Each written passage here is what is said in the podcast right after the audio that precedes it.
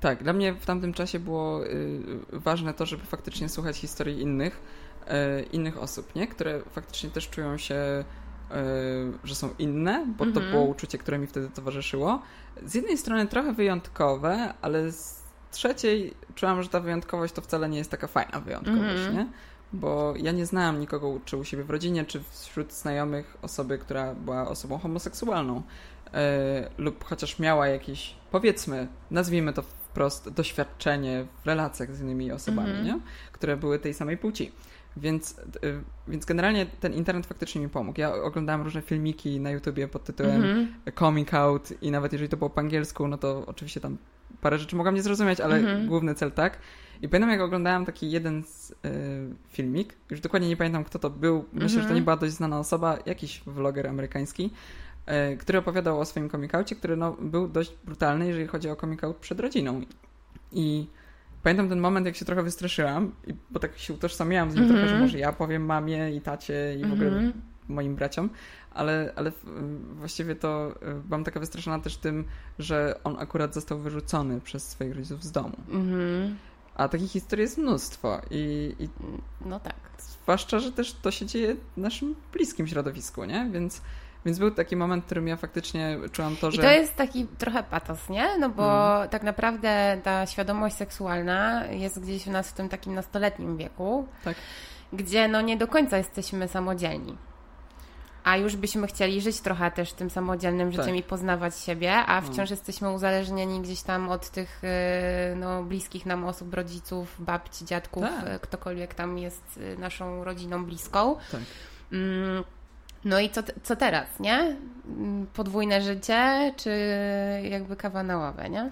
No właśnie, ja tak zawsze sobie myślałam, y, że, że moja rodzina to przyjmie na klatę. Ale w ogóle też zrobiłam taką strategię, bo y, w ogóle pierwszą osobą, która tak naprawdę dowiedziała się ode mnie tak, że ja siedziałam z tą osobą i rozmawiałam, była Mhm. moja wtedy przyjaciółka.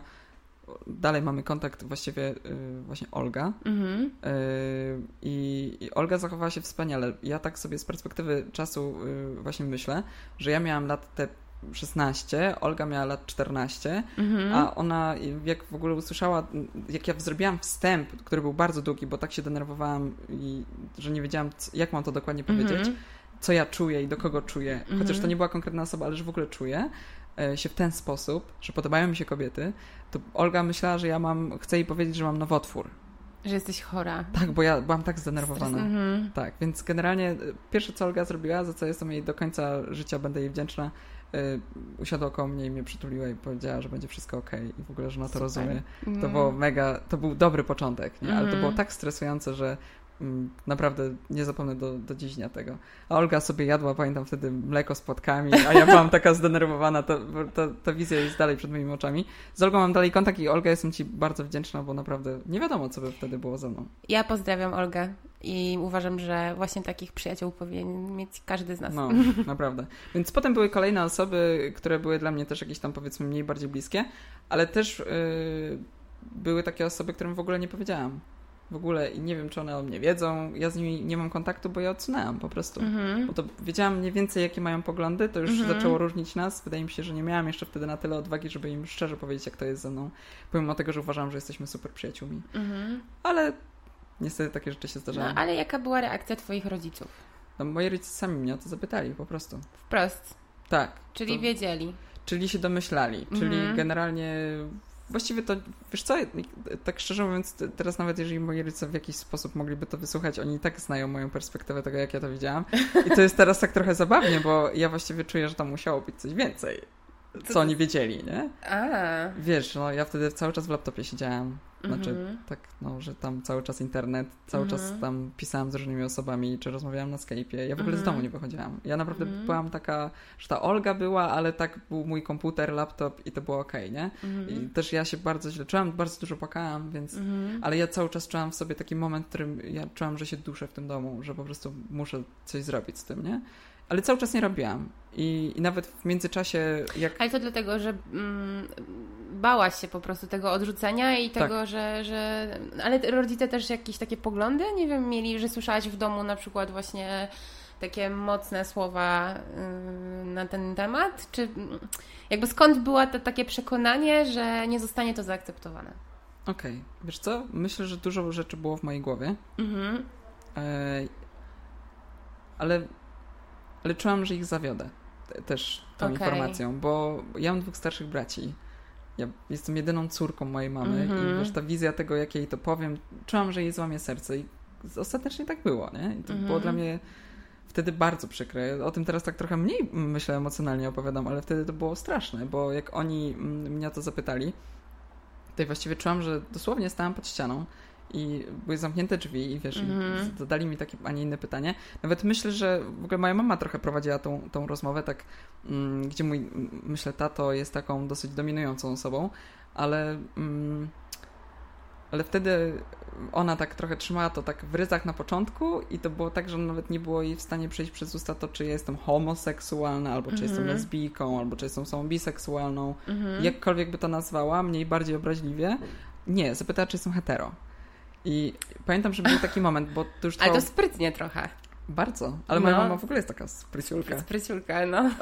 No bardzo sprytnie do tego podeszła, Oj, tak, naprawdę. Tak, muszę no. kiedyś za to pochwalić, wiesz, jeszcze nigdy Naprawdę, jestem pod wrażeniem. Faktycznie. Słuchaj, dzisiaj o tym powiem. No, dzisiaj o tym powiem. Ale Y, właśnie przyszedł taki moment, w którym, bo to już trwało dość długo, nie? To mm -hmm. trwało miesiącami, kiedy ja się tak katowałam tym internetem, tym, że siedziałam w domu, że moi rodzice to widzieli, że ja siedzę w tym domu. Mój brat, jeszcze jeden z nami mieszkał, więc też to widział. Mm -hmm. y, oni mi, y, mój brat mówił, że to może znajdziesz sobie chłopaka i może będzie ci lepiej. Y, mm -hmm. Ja nie mówię, że on wtedy chciał coś złego, broń Boże, mhm. no myślę, że chciał mnie po prostu socjalizować trochę z mhm. ludźmi, tak dosłownie, a nie, że ten internet.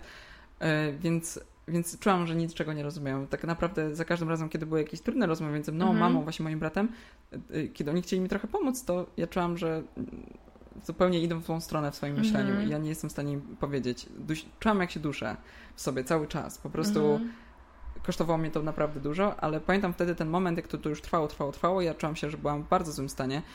Myślę, chociaż nie mam tendencji do diagnozowania samej siebie, ale miałam wtedy taki no myślę, długotrwającą depresję mimo wszystko, lub chociaż jeżeli ktoś by wtedy mnie zdiagnozował, to może byłby w stanie to stwierdzić faktycznie, ale myślę, że poprzez te objawy, które miałam wtedy, to mhm. co się ze mną działo z perspektywy czasu, jestem w stanie to stwierdzić. Więc, yy, więc faktycznie wtedy było źle przez długi czas. I mając te 16 lat, wtedy, kiedy rodzice mnie zapytali o to, yy, mama, Sara, czy jesteś yy, hetero, mhm. to ja po prostu miałam przez myśl mi przeszła myśl, przez myśl mi przeszła myśl, przez moją głowę przeszła, przeszła mi myśl, która brzmiała następująco, to jest moja ostatnia szansa. Mhm. Że nie ma odwrotu. Nie ma teraz odwrotu. albo nigdy. Tak, bo ja czułam, że jak im nie powiem, to będę, będzie tylko gorzej ze mną. Czyli właściwie to trochę było tak, że to twoi rodzice zauważyli, że coś dzieje się złego tak. i po prostu zainicjowali rozmowę. Nie mm -hmm. było tak, że ty zainicjowałaś tę rozmowę. Mm -mm. Raz była tylko jeszcze poprzedzająca rozmowa z moją mamą, bo wydarzyła się taka e, dosyć nieprzyjemna dla mnie sytuacja, bo ktoś, że tak powiem, w towarzystwie na pewnym spotkaniu mnie trochę obrażał, bo dowiedział się, że jestem, że podobają okay. się kobiety, mm -hmm. nie? E, I, I spotkało się to z strasznymi negatywnymi komentarzami. I pamiętam, że wracałam z tego spotkania do domu i bardzo płakałam. I moja mama słyszała w nocy ten płacz. Mm. I się mhm. mnie następnego dnia pytała, dlaczego płakałam, co się stało, mm czemu jej nie powiem. I zadawała mm mi mnóstwo pytań i powiedziała mi, że kiedyś ci powiem, teraz nie jestem w stanie. Mhm. To było tyle. Więc kolejny czas minął, czas, kiedy wprost zapytali. No i z uśmiechem na twarzy powiedziałam, że nie jestem hetero. Nie? Mhm. Ale to był taki bardzo nerwowy uśmiech myślę, i taki nawet trochę przyklejony, ale z jednej mm. strony czułam taką ulgę, że myślę, że nigdy nie czułam takiej ulgi jak wtedy, a z drugiej strony pomyślałam sobie, że ten wieczór, bo to był już wieczór dość późny, nie skończy się tak szybko. Nie? I mm myślę, że się nie myliłam. Właściwie to mm, właściwie to moja mama na przykład do dziś dnia ma y, takie dosyć spore wyrzuty sumienia e, ze, ze względu na swoją reakcję jej reakcja myślę, że była bardzo szczera i taka, że czułam, że jej naprawdę złamałam serce mm-hmm. i nawet jakby takie słowa zostały wypowiedziane. Mm-hmm. I myślę, że um, akurat um, i tak ona była takim pikusiem, nie? Tutaj. Bo, A tata? No, myślę, że tata wtedy mocno zareagował. Chciałam powiedzieć, mocno przesadził, aczkolwiek na, na, jakby biorąc pod uwagę to, co ja mu, jakich informacji ja mu dostarczałam, albo jakich mm -hmm. emocji, myślę, że dla niego to musiało być cholernie bolesne wtedy. Mm -hmm. Ale ja też jestem w stanie zrozumieć przez czas, nie? I różne inne sytuacje, e, to dlaczego tak było, nie? Dlaczego była taka reakcja, która była no, mocno agresywna, słowem, mm -hmm. czynem. Y, I następnego dnia słyszałam komentarze pod tytułem, że mam się wyprowadzić. Oj. 16 lat, nie? Czyli jakby jednak... ja, przepraszam, ale wtedy jeszcze się uczyłam, więc no. jakby nie miałam pomysłu, żeby się wyprowadzić w wieku 16 lat. Mhm. Jakby gdzie, do kogo? Oczywiście ja już miałam 100 tysięcy scenariuszy w głowie, mhm. gdzie ja będę, gdzie ja pójdę i tak dalej. Jakby co ja zrobię. E, I tak właściwie to jedyną moją wtedy pomocą, pomimo tego, że też moja mama była mocno tak jakby obrażona na mnie, mhm. powiedzmy, e, za to, co, jakby, co im wyznałam, mm, to, to się zachowała następnego dnia mimo wszystko w porządku. Ale tak naprawdę praca z nią nad tym, żeby ona to tak w pełni przyjęła i była tą mhm. mamą i była tą przyjaciółką, trwała latami, bo to była mhm. ogromna praca, bo ja sobie założyłam, że ja nigdy jej nie odpuszczę. No? Mhm. Jakby tacie, tacie trochę myślę odpuściłam y, w, w pewnym momencie i nie mieliśmy od tamtej informacji, wtedy nie mieliśmy kontaktu przez około 2,5 miesiąca. Mhm. To on nie, nie jadł ze mną obiadu przy stole, mhm. w ogóle się do mnie nie odzywał. Boże, to jest okropne. nie, straszne. Ale wiesz co, takim bohaterem tego wszystkiego y, był mój brat Dawid. Mhm. Dawid jest dwa lata starszy ode mnie. Generalnie z Dawidem miałam w gimnazjum, trochę w liceum e, taką, taką sytuację, że e, no myśmy się trochę nie lubili. Okay. Ja myślę, że każdy tak, ma... Każdy tak ma. Tak, tak, tak, jest ten etap, nie? Jest że... tak. Ja, ja, z moim bratem, którego serdecznie pozdrawiam, e, no mieliśmy też taki etap. On jest dwa lata starszy ode mnie też. O. Więc tak, był taki etap, a teraz się kochamy z powrotem. Akter roczniki 9.0. No, tak, straszni ludzie. tak. Więc, więc faktycznie z Dawidem miałam... Yy miałam taki naprawdę słaby kontakt, nie? Mm. On, y, tak myślę, że trochę się mnie wstydził, ale ja to jestem w stanie zrozumieć. To jest, myślę, że gdybym była starszą siostrą i, i moja młodsza siostra była jakaś tam sobie mm -hmm. dziwna, może trochę na, na, na, na, swój sposób, to może też bym czuła, że, że że się wstydzę w tamtym wieku, bo byliśmy młodzi. Mm, ale właśnie on mnie z tych, może tak powiem, rąk y, trochę wyciągnął, nie? Z -hmm. mojego ojca, z tej całej nie, niewygodnej i niekomfortowej sytuacji. Y, niewygodnej, niekomfortowej. Wtedy strasznej tak naprawdę, tak -hmm. dość brutalnej mimo wszystko. Y, I pamiętam, że wtedy mieliśmy taki rozejm trochę z moim bratem, bo codziennie się kłóciliśmy i tak dalej. I pamiętam, jak mój brat zabrał mnie z tego pokoju, w którym była ta cała rozmowa i kłótnia z moimi rodzicami, mój tata sobie pozwalał na różne dość ostre komentarze. E, przyszliśmy, przyszliśmy do drugiego pokoju, e, bo mój brat nagle wparował, bo, bo krzyknęłam za nim, żeby mi pomógł. Czyli zachował się po prostu jak, jak starszy bohater. brat. No. no. Pamiętam, że mnie tak mocno przytulił i tak mocno płakał. Pamiętam wtedy, że czułam jego całą klatkę piersiową. Mm. I tak mocno, mocno płakał, aż się zanosił. Ale przepraszam, ale się wzruszyłam. Ja wiem, to, ja, to no. tak niestety działa, że, że ja wtedy też mocno płakałam, ale mm. jak mi przytulił, wzruszając się mocno i, i, i, i, tak mu biło serduszko mocno i powiedział mi, że ja cię Sara kocham, ja cię akceptuję i wszystko mm. będzie dobrze, nie bój się, nie? Więc to wtedy było y, bardzo cenne. Bardzo, tak no. cholernie. Pamiętam, że mój tata mi zabrał e, dostęp, jakby nie mogłam mieć dostępu do laptopa, mhm. też do telefonu. E, więc mój brat był na tyle sprytny i myślę, że mogę teraz to powiedzieć wszystkim, że mój brat był, jest, znaczy jest wciąż taką no, bardzo, e, że tak powiem, mądrą osobą pod kątem tego, żeby sobie coś kupić, mieć, zostawić, w razie czego może się kiedyś przydać. Więc miał taki telefon, mhm. E, który miał, wiesz, te telefony były stare, nie? Miał, mhm. można było mieć aplikację.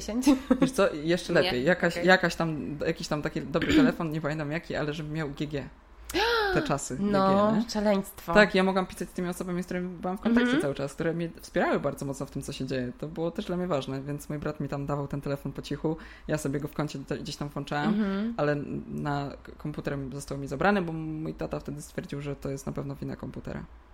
No tak. Internetu. Mhm. Naczytałaś się, wymyśliłaś sobie. Tak, tak, no. dokładnie. Dziękuję za uwagę. no, to było trudne wtedy, ale, ale faktycznie jakoś przetrwałam. Y, A teraz? Teraz jest yy, bardzo dobrze. Tak? No. Właściwie... A czy to nie jest taka dojrzałość trochę też rodzica? Dobrze, znaczy, bo... że powiedziałaś w liczbie pojedynczej. Myślę, że rodzica. Rodzica. Mhm. Mm. Jednego. No, mama, z mamą sobie przepracowałam wiele rzeczy.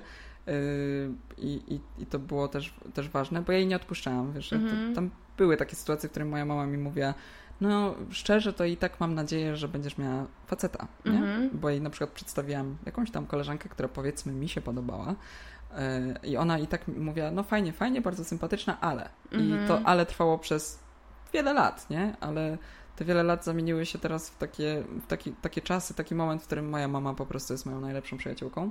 Mhm. I choćby nie wiadomo co, to i tak wierzę, że nią będzie. Wspiera mnie i mogę zawsze nią, do niej zadzwonić i powiedzieć jej, słuchaj mamo, bo coś tam, nie? Mhm. Więc, więc generalnie mamy super kontakt, taki naprawdę na najwyższym poziomie, jaki można mieć. E, I nawet moja mama raz ze mną uczestniczyła w takim projekcie, który zorganizowała właśnie wtedy jeszcze koło naukowe mhm. NKS Equality na Uniwersytecie Gdańskim, ja studiowałam jeszcze psychologię, e, plus Tolerado, które jest Super. właśnie tym stowarzyszeniem dla osób LGBT w Gdańsku. Więc organizowaliśmy między innymi przedmarszowe, tam przedmarszowe właśnie wydarzenie, które dotyczyło żywej biblioteki i moja mama ze mną uczestniczyła w tym i była mamą lesbijki. O matko. Ja byłam lesbijką i przychodziły, przychodzili do nas ludzie i się tam zadawali jej różne pytania. Była taka odważna. Super. Była taka odważna. Super. No to chyba naj, największy poziom wsparcia, co? Tak. Bo to, bo, bo, bo taka akceptacja, okej, okay, w domu wszystko super, rozmawiamy sobie, jesteś i tak dalej, ale tak. wyjść na zewnątrz i stanąć obok i powiedzieć, to jest moje dziecko hmm. i ja je akceptuję w pełni i tak. kocham je najmocniej na świecie. Tak i to nic nie zmienia, to jest taki coming out też trochę, nie? Dla rodzica. No, to musi być bardzo trudne dla niej. Ja myślę, ona faktycznie jakby ten, ten, ten, ten dzień po tym, jak ona się dowiedziała, po tym no była taka dosyć jeszcze zimna, sroga i w ogóle i trwało długi czas, ale ona powiedziała mi, że ona będzie dla mnie mimo wszystko, jakby nawet jeżeli tata stwierdzi, że ja mam się wyprowadzić, to ona się wyprowadza ze mną. Mm -hmm. I to był też warunek, y, chyba ich, i, i, i, nie wyprowadziałam się nigdzie. Mm -hmm. Aczkolwiek to były trudne czasy, nie? Wtedy było bardzo ciężko i pamiętam, że wtedy bardzo się bałam, że ich stracę, że stracę mhm. Rodzinę i to w tamtym wieku, wiesz, myślało się o tym, gdzie się pójdzie z kolegami, mm -hmm. koleżankami po szkole, albo co się będzie robiło tak. dzisiaj, a nie o tym, czy rodzice cię nie wywalą z domu i czy zaraz ich nie stracisz i że tak naprawdę mm -hmm. za każdym razem, kiedy czułaś, że oni mówią, że cię kochają, to wiedzieli, że to nie jest prawda, bo mm -hmm. nie mhm. wiedzieli nic o tobie, a w momencie, kiedy mhm. się dowiedzieli, pokazują to, że tak jakby cię nie kochali, nie? Ja tak czułam wtedy. To była moja jakby interpretacja tego, jak oni się zachowali. No bo to jest chyba takie też odcięcie bardzo szybkie pępowiny, nie? No bo jakbym powiedziała, że to jest trochę um, poczucie, że nie spełniasz ich oczekiwań. Tak. I tego, jak oni wyobrażają sobie Twoją osobę, tak. i nagle musisz powiedzieć, ja chcę sama, inaczej, nie tak jak Wy, tak. ja chcę po swojemu, i to jest dosyć brutalne też, nie? Bo. Mhm bym powiedziała, mm, że to wiadomo, że no, no, normalny nastolatek, nie wiem, mama mówi mu, nie możesz wyjść z domu, tak? A on sobie wraca o drugiej w nocy i to jest jego odcięcie jakby tak. pępowiny i powiedzenie... Tak. Kara. Kara. Znaczy no na zasadzie nie spełniasz moich oczekiwań, tak? Nie mm. zachowujesz się tak, jak ja chcę. A tutaj jest właściwie coś... Yy, z czym, no jakby, nie chcę nie użyć słowa walczyć, ale jakby coś, z czym nie ma do końca dyskusji, nie? Bo jakby to hmm. już nie będzie odwrotu od tego. Tak mi się wydaje przynajmniej. Na takiej zasadzie, że, że to jest trochę taka informacja, która spada po prostu z nieba mhm. na takiego rodzica, który jeszcze, no nie wiem, no, z reguły nie jest pewnie obeznany też w temacie i nagle co on ma robić, a ty z kolei czujesz, że nie spełniasz jego oczekiwań jako właśnie córka, tak? tak. I, i, I no nie ma tu już dyskusji trochę na mhm. zasadzie zachowuj się tak, bo nie wiem, bo musisz już się tak zachowywać, bo ja tak od ciebie oczekuję. Bo ja tak chcę. No, no, bo ja tak chcę. No bo to, bo to wiesz, jakby takie zachowania nastolatków, typu wracanie szybciej, nie upijanie się, tak nie jest. wiem, nie chodzenie na imprezie, to jest coś, co można wypracować pewnie, tak? Jako rodzic ze swoim dzieckiem. Natomiast no, twoi Jasne, rodzice nie są w stanie zmienić tego, co czujesz i jaka no. jesteś. No. Dokładnie. Wiesz no. co, no właśnie wydaje mi się, że dlatego też była taka mocna, ostra reakcja, bo po pierwsze, to nie jest codzienny temat. To nie był mhm. codzienny temat w moim domu. No kompletnie nie. Myślę, że, znaczy ja słyszałam jakieś różne komentarze, na przykład od strony mojego taty, który raczej ma takie no, inne poglądy niż ja. Mhm. E, nie mówię lepsze, gorsze, mhm. inne. E, I gdzieś tam je czasami wyrażał, a moja mama raczej była z tym okej. Okay nie? Okay. Ale okazało się, że jeżeli jest to blisko, bo to jest co innego, nie? Jeżeli tak. to jest blisko, to już nie jest tak fajnie. To ciężko się z tym skonfrontować. To musi być bardzo trudne i w ogóle ja podziwiam właściwie trochę tych rodziców mimo wszystko. Tak. Ja się przyznaję, e, to jest taka historia, że będąc w liceum miałam, e, brałam udział w projekcie Erasmus i o. wprawdzie nie wyjeżdżałam nigdzie, ale byłam mentorem dla osób, które przyjeżdżały. I miałam taką parę przyjaciół z Portugalii i chłopak, który przyjechał, właśnie był gejem. O. I mówi do mnie, Ola, błagam Cię, zabierz mnie do klubu gejowskiego. No to ja go zabrałam do Sopotu, nie? Nie wiem, do 6-9, nie tak, pamiętam tak, już, tak, ale tak, tak.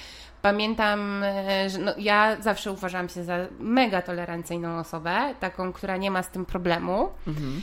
Natomiast no, też przyznam się, że nigdy nie widziałam na przykład dwóch mężczyzn całujących się, kobiet i tak dalej. I jak poszłam do klubu, to E, no też widziałam takie sceny, ale to w ogóle powinno być dla mnie naturalne, bo jak mężczyzna z kobietą się całuje, to jakby nie robi to na mnie wrażenia, no chyba, że robią to no bardzo tak. sensualnie. No nie, śmieję o. się teraz, ale e, no e, jakby pamiętam, że byłam w takim trochę szoku, nie? I, hmm.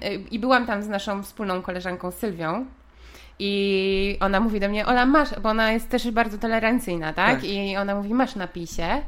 I zaraz wszystko będzie okej, okay, bo ja po prostu jakbym się trochę spięła, nie? Tak, tak jakbym nie wiedziała. Myślę, że to też dlatego, że byłam w takim wieku, gdzie w ogóle seks był dla mnie trochę tematem tabu mhm. i że, że, że jakby mm, nie wiedziałam do końca, jak mam się zachować, więc wypiłam te dwa piwka i, i było super. I powiem Ci, że nigdy nie byłam... E, w miejscu, w którym ludzie się czuli tak wolni. I pamiętam z tego wieczoru nie e, pary homoseksualne, ale słuchajcie, pamiętam parę y, heteroseksualną, hmm.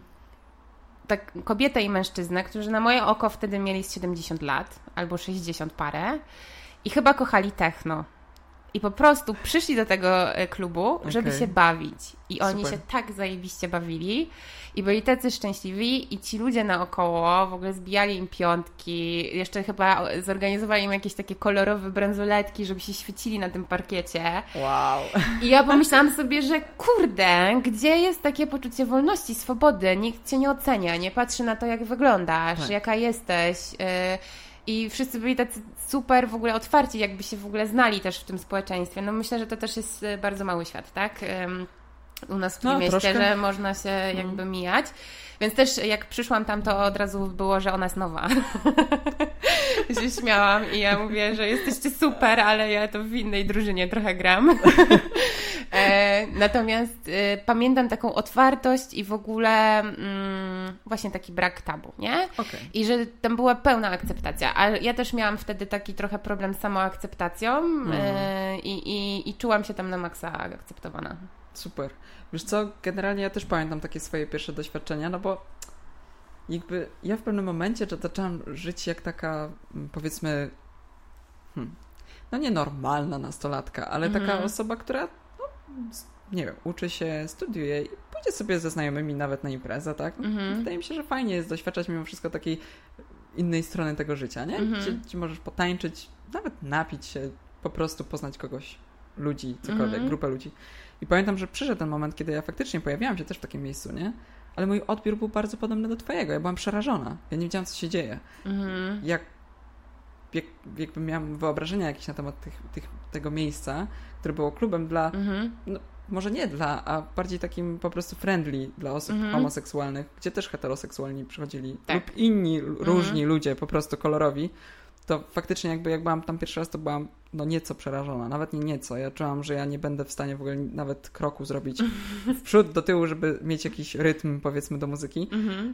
gdzie zawsze uważam, że bardzo lubię muzykę i się od, jej kompletnie oddaję. Tak wtedy po prostu byłam zesztywniała cała i stwierdziłam, że chyba to nie jest miejsce dla mnie i że to jest za duża, właśnie trochę czułam, jakby było za dużo tej wolności, mm-hmm. ale wiesz co, ja też z perspektywy czasu uważam, że faktycznie jakby te, te, te miejsca, w którym jakby powiedzmy osoby y, homoseksualne mogą się znaleźć, się pojawiają. Jest ich coraz więcej. Ja nie mówię tutaj konkretnie o klubach, ale w takich miejscach, gdzie możemy się czuć bezpiecznie. Nie? -hmm. To jest w ogóle bardzo istotne. Oczywiście, że w klubie będziesz widziała. To jest istotne, ale to jest dla mnie przerażające, bo mm, jakby nie, nie, nie, wyobrażam sobie sytuacji, w której muszę się zastanawiać, czy jak pójdę do kawiarni i nie wiem, chwycę swojego chłopaka za rękę, to czy, czy będę mogła się czuć bezpiecznie. Jakby dla mnie to jest absurd. Yy, znaczy, jest to dla mnie super, super przykre, że tak jest i, i chciałabym, żeby było inaczej. Żebyście, żebyś, żebyś nie musiała się zastanawiać. Tak. Wiesz co, generalnie ostatnio właśnie yy, ostatnio byłam yy, z moją dziewczyną w na jedzeniu, na obiecie, mhm. po prostu. Miałyśmy iść na obiad. Ja pamiętam, jaka myśl mi, ja nie będę mówić, mhm. które to było miejsce, ale pamiętam, y, aczkolwiek bardzo smaczne, mhm. ale, ale właśnie y, to jest zupełnie nieistotne. Ja z daleka zobaczyłam y, flagi tęczowe. Takie małe flagi mhm. tam coś były wczepione. Ja zobaczyłam je z zewnątrz. Mhm. Aczkolwiek motywacja, żeby tam pójść była zupełnie inna, inna. bo chodziło mhm. o jakość jedzenia i opinię. Mhm. Ale jak ja to zobaczyłam z daleka, poczułam taki to głupie było, ale jakiś taki spokój, jakieś mm -hmm. takie mhm. bezpieczeństwo i ja wiedziałam już po opiniach, że to miejsce jest takie bardzo friendly pod mm -hmm. tym mhm. kątem i takie trochę, mm -hmm. my się będziemy nawet buntować trochę, nie? co jest fajne, ale, y, ale właśnie poczułam się tak, że okej, okay, jak ja tam pójdę mm, z moją partnerką, to ja będę się czuła tam bezpiecznie, bo obsługa mhm. na pewno nie powie proszę wyjść, tak. albo że... A zdarzyło ci się tak? Nie. Aczkolwiek były jakieś takie, wiesz co, nie w miejscach yy, raczej takich typu klub, restauracja, mm -hmm. kawiarnia i tak dalej, bar. Raczej nie, aczkolwiek bywałam w takich miejscach, gdzie to były tak zwane, to jest dziwne, ale tak zwane miejsca bardziej dla hetero, nie? Mm -hmm. ja to tak trochę nazywam, aczkolwiek nikogo nie wsadzam żadne tam powiedzmy mm -hmm. szufladki, ramy, cokolwiek. Ale właśnie są takie miejsca, w których wiesz, że tam jest raczej przewaga osób, które są heteroseksualne, mm -hmm. nie? Albo może nie, ale tak ci się wydaje, albo masz mm -hmm. coś w mhm. głowie.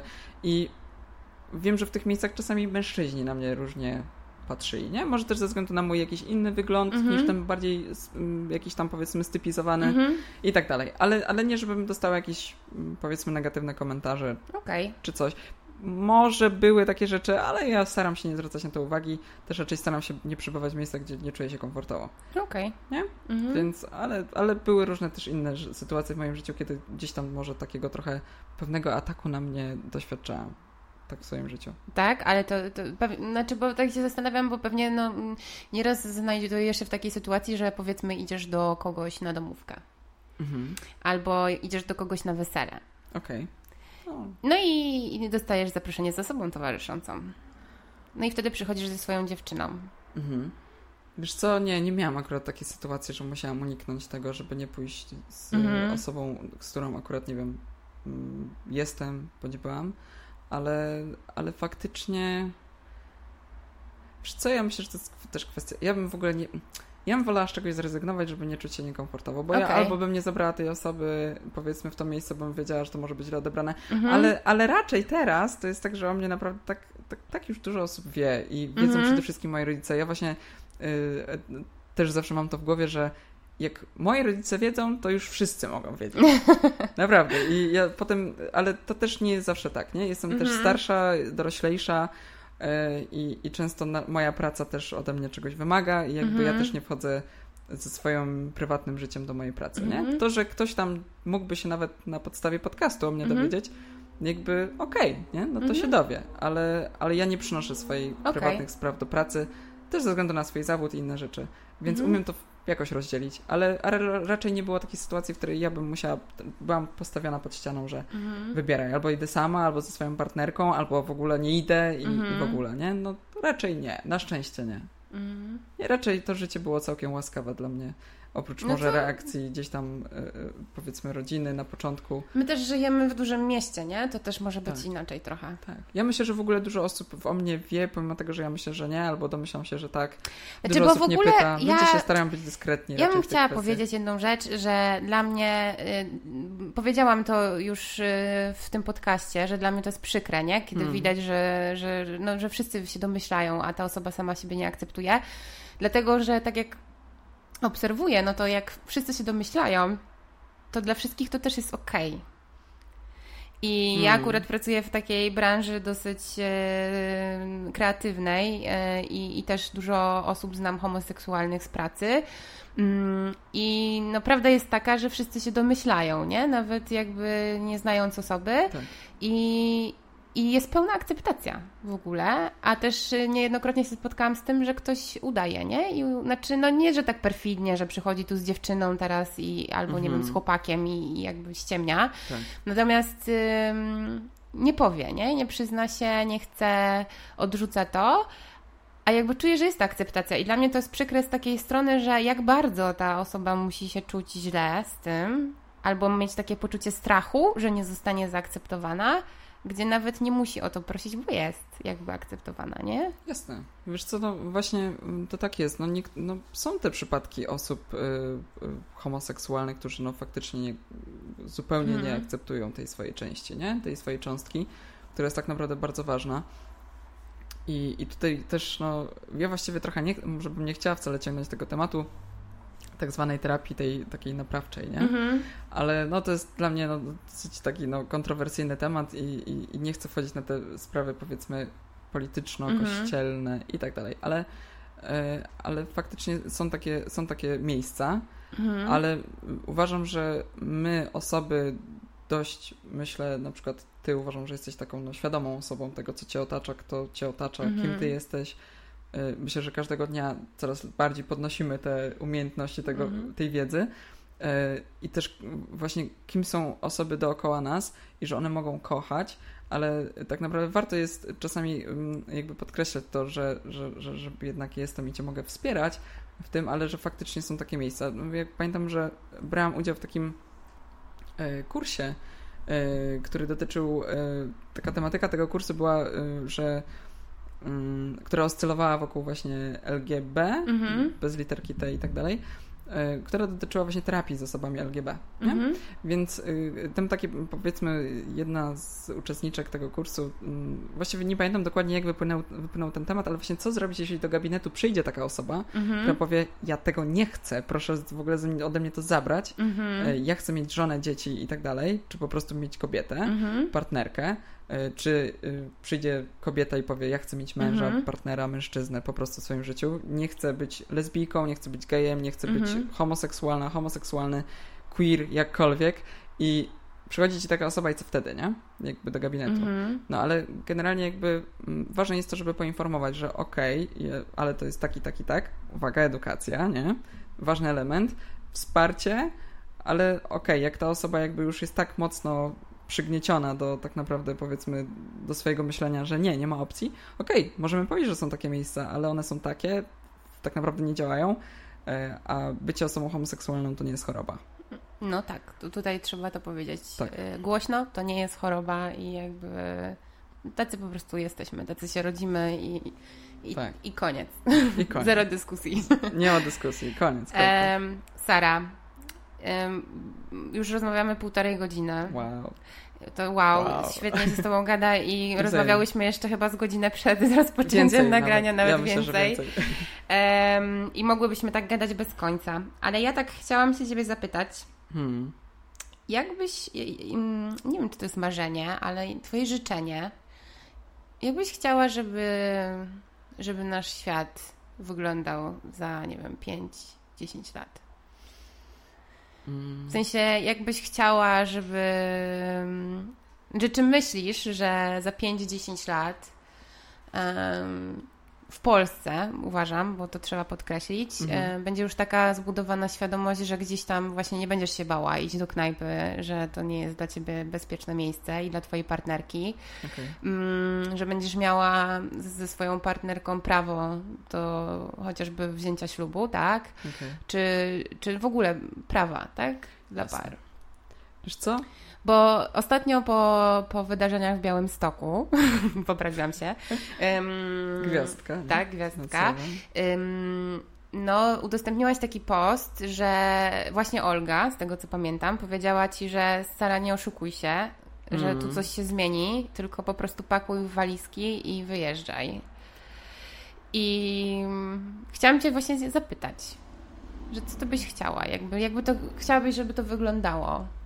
Okej, okay. generalnie chciałabym, żeby to wyglądało jakoś, nie? Nie mhm. tak jak na pewno jest teraz. Wiesz, ja y, też nie mam zbyt wielu lat wcale, ale, ale faktycznie ja widzę jakąś zmianę po tych 10 latach. Mhm. Przynajmniej też w mojej świadomości, świadomości moich znajomych i tak dalej. Mhm.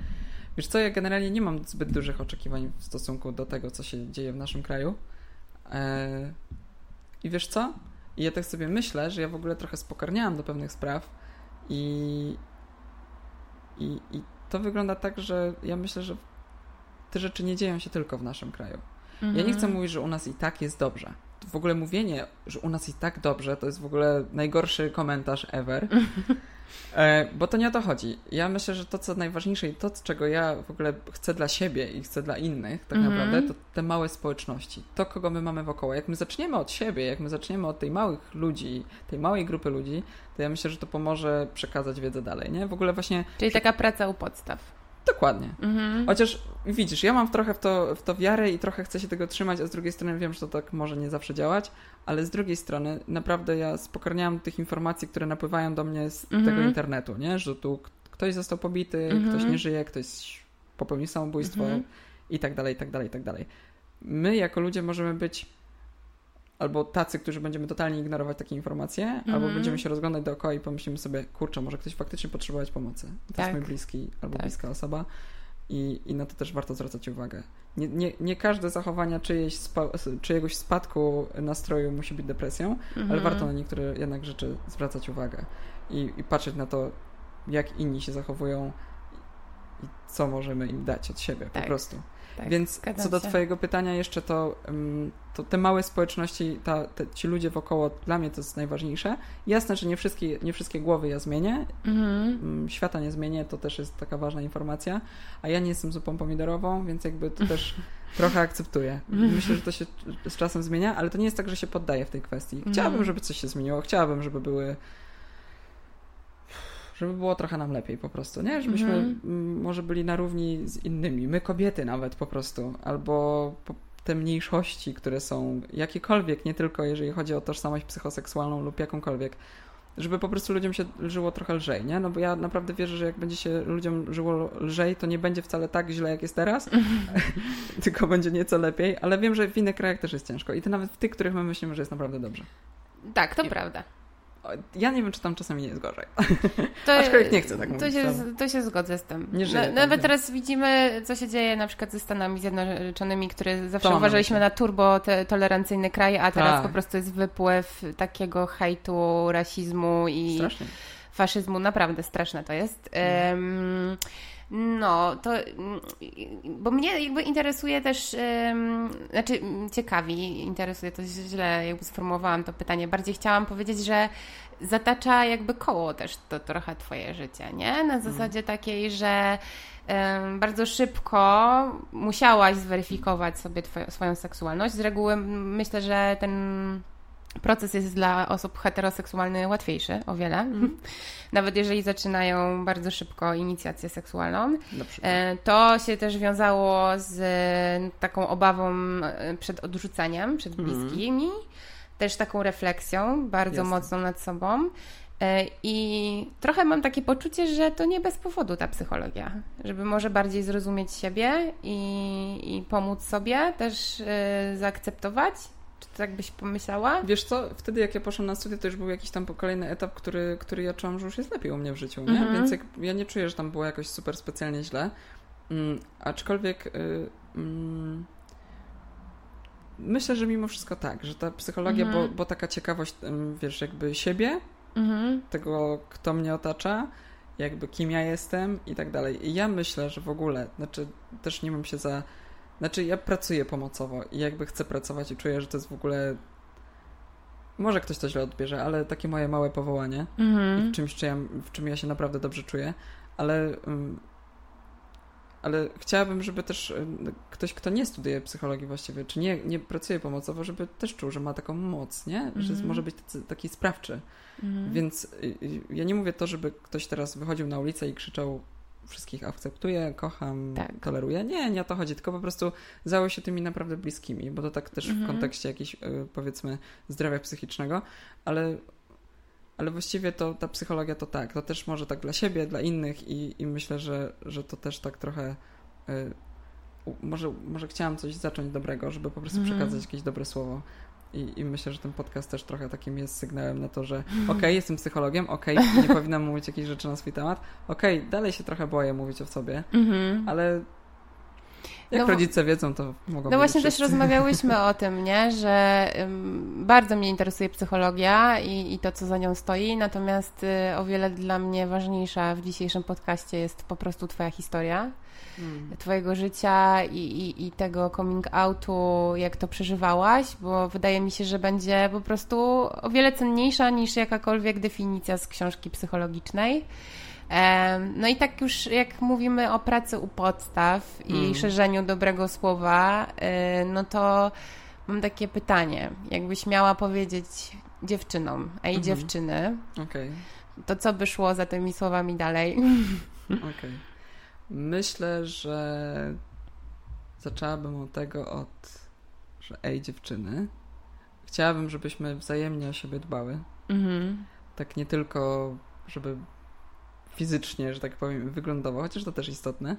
Tak, e, lubimy. Tak, lubimy. Bardzo, tak, oczywiście. I to jest cool, ale żebyśmy faktycznie dbały o swoje główki.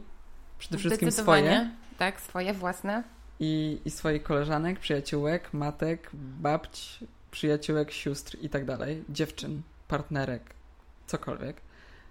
E, I, I właściwie, jeżeli będziemy szerzyć trochę dobra i tego, kim jesteśmy, i nie będziemy się tego bały, to jest taki dobry sukces do tego. Mam nadzieję, że, y, że właściwie kogoś może jakaś tam część mnie mogłaby skłonić do tego, żeby, żeby móc coś zrobić, jakiś krok do przodu w swoim życiu, mm-hmm. bo być może stoicie w takim miejscu, w którym ja kiedyś byłam, który nie był łatwy, mm-hmm. albo jakaś część mnie do czegoś was, nie wiem, może popchnąć, to byłoby super miło i fajnie. I jeśli któraś z was właściwie chciałaby nie wiem, nawiązać kontakt ze mną, czy opisać mi jakąś swoją historię, albo coś po prostu zapytać, mhm. e, to, to jak najbardziej może do mnie napisać i z Olą zostawimy gdzieś tam mojego na przykład maila. Tak, będzie mail podany w poście zajawiającym e, dzisiejszy odcinek. Hmm? I ja ch chciałabym Wam powiedzieć, że Sara jest niesamowitą osobą, bardzo empatyczną, kochaną i no, jej dar słuchania jest po prostu niesamowity, więc śmiało uderzajcie. Jeżeli macie problem, chcecie się podzielić, to, to piszcie do Sary. Okay. Dziękuję Ola bardzo za zaproszenie. Generalnie też mi się bardzo dobrze rozmawiało. Jestem w szoku, że y, tyle się nie widziałyśmy, a potrafiłyśmy tak długo rozmawiać dzisiaj no ze sobą. No to prawda. Nie było ciszy. No nie było ciszy, a jeszcze były nerwy ogromne, tak. a mimo to paplałyśmy trochę. Tak. Tak. Znaczy, mówiłyśmy bardzo ważne rzeczy i mam nadzieję, że, że ktoś sobie z Was coś z tego weźmie, hmm? oswoi, przemyśli i zrobi coś z tym ważnego dla innych albo dla siebie. Dokładnie. Dzięki.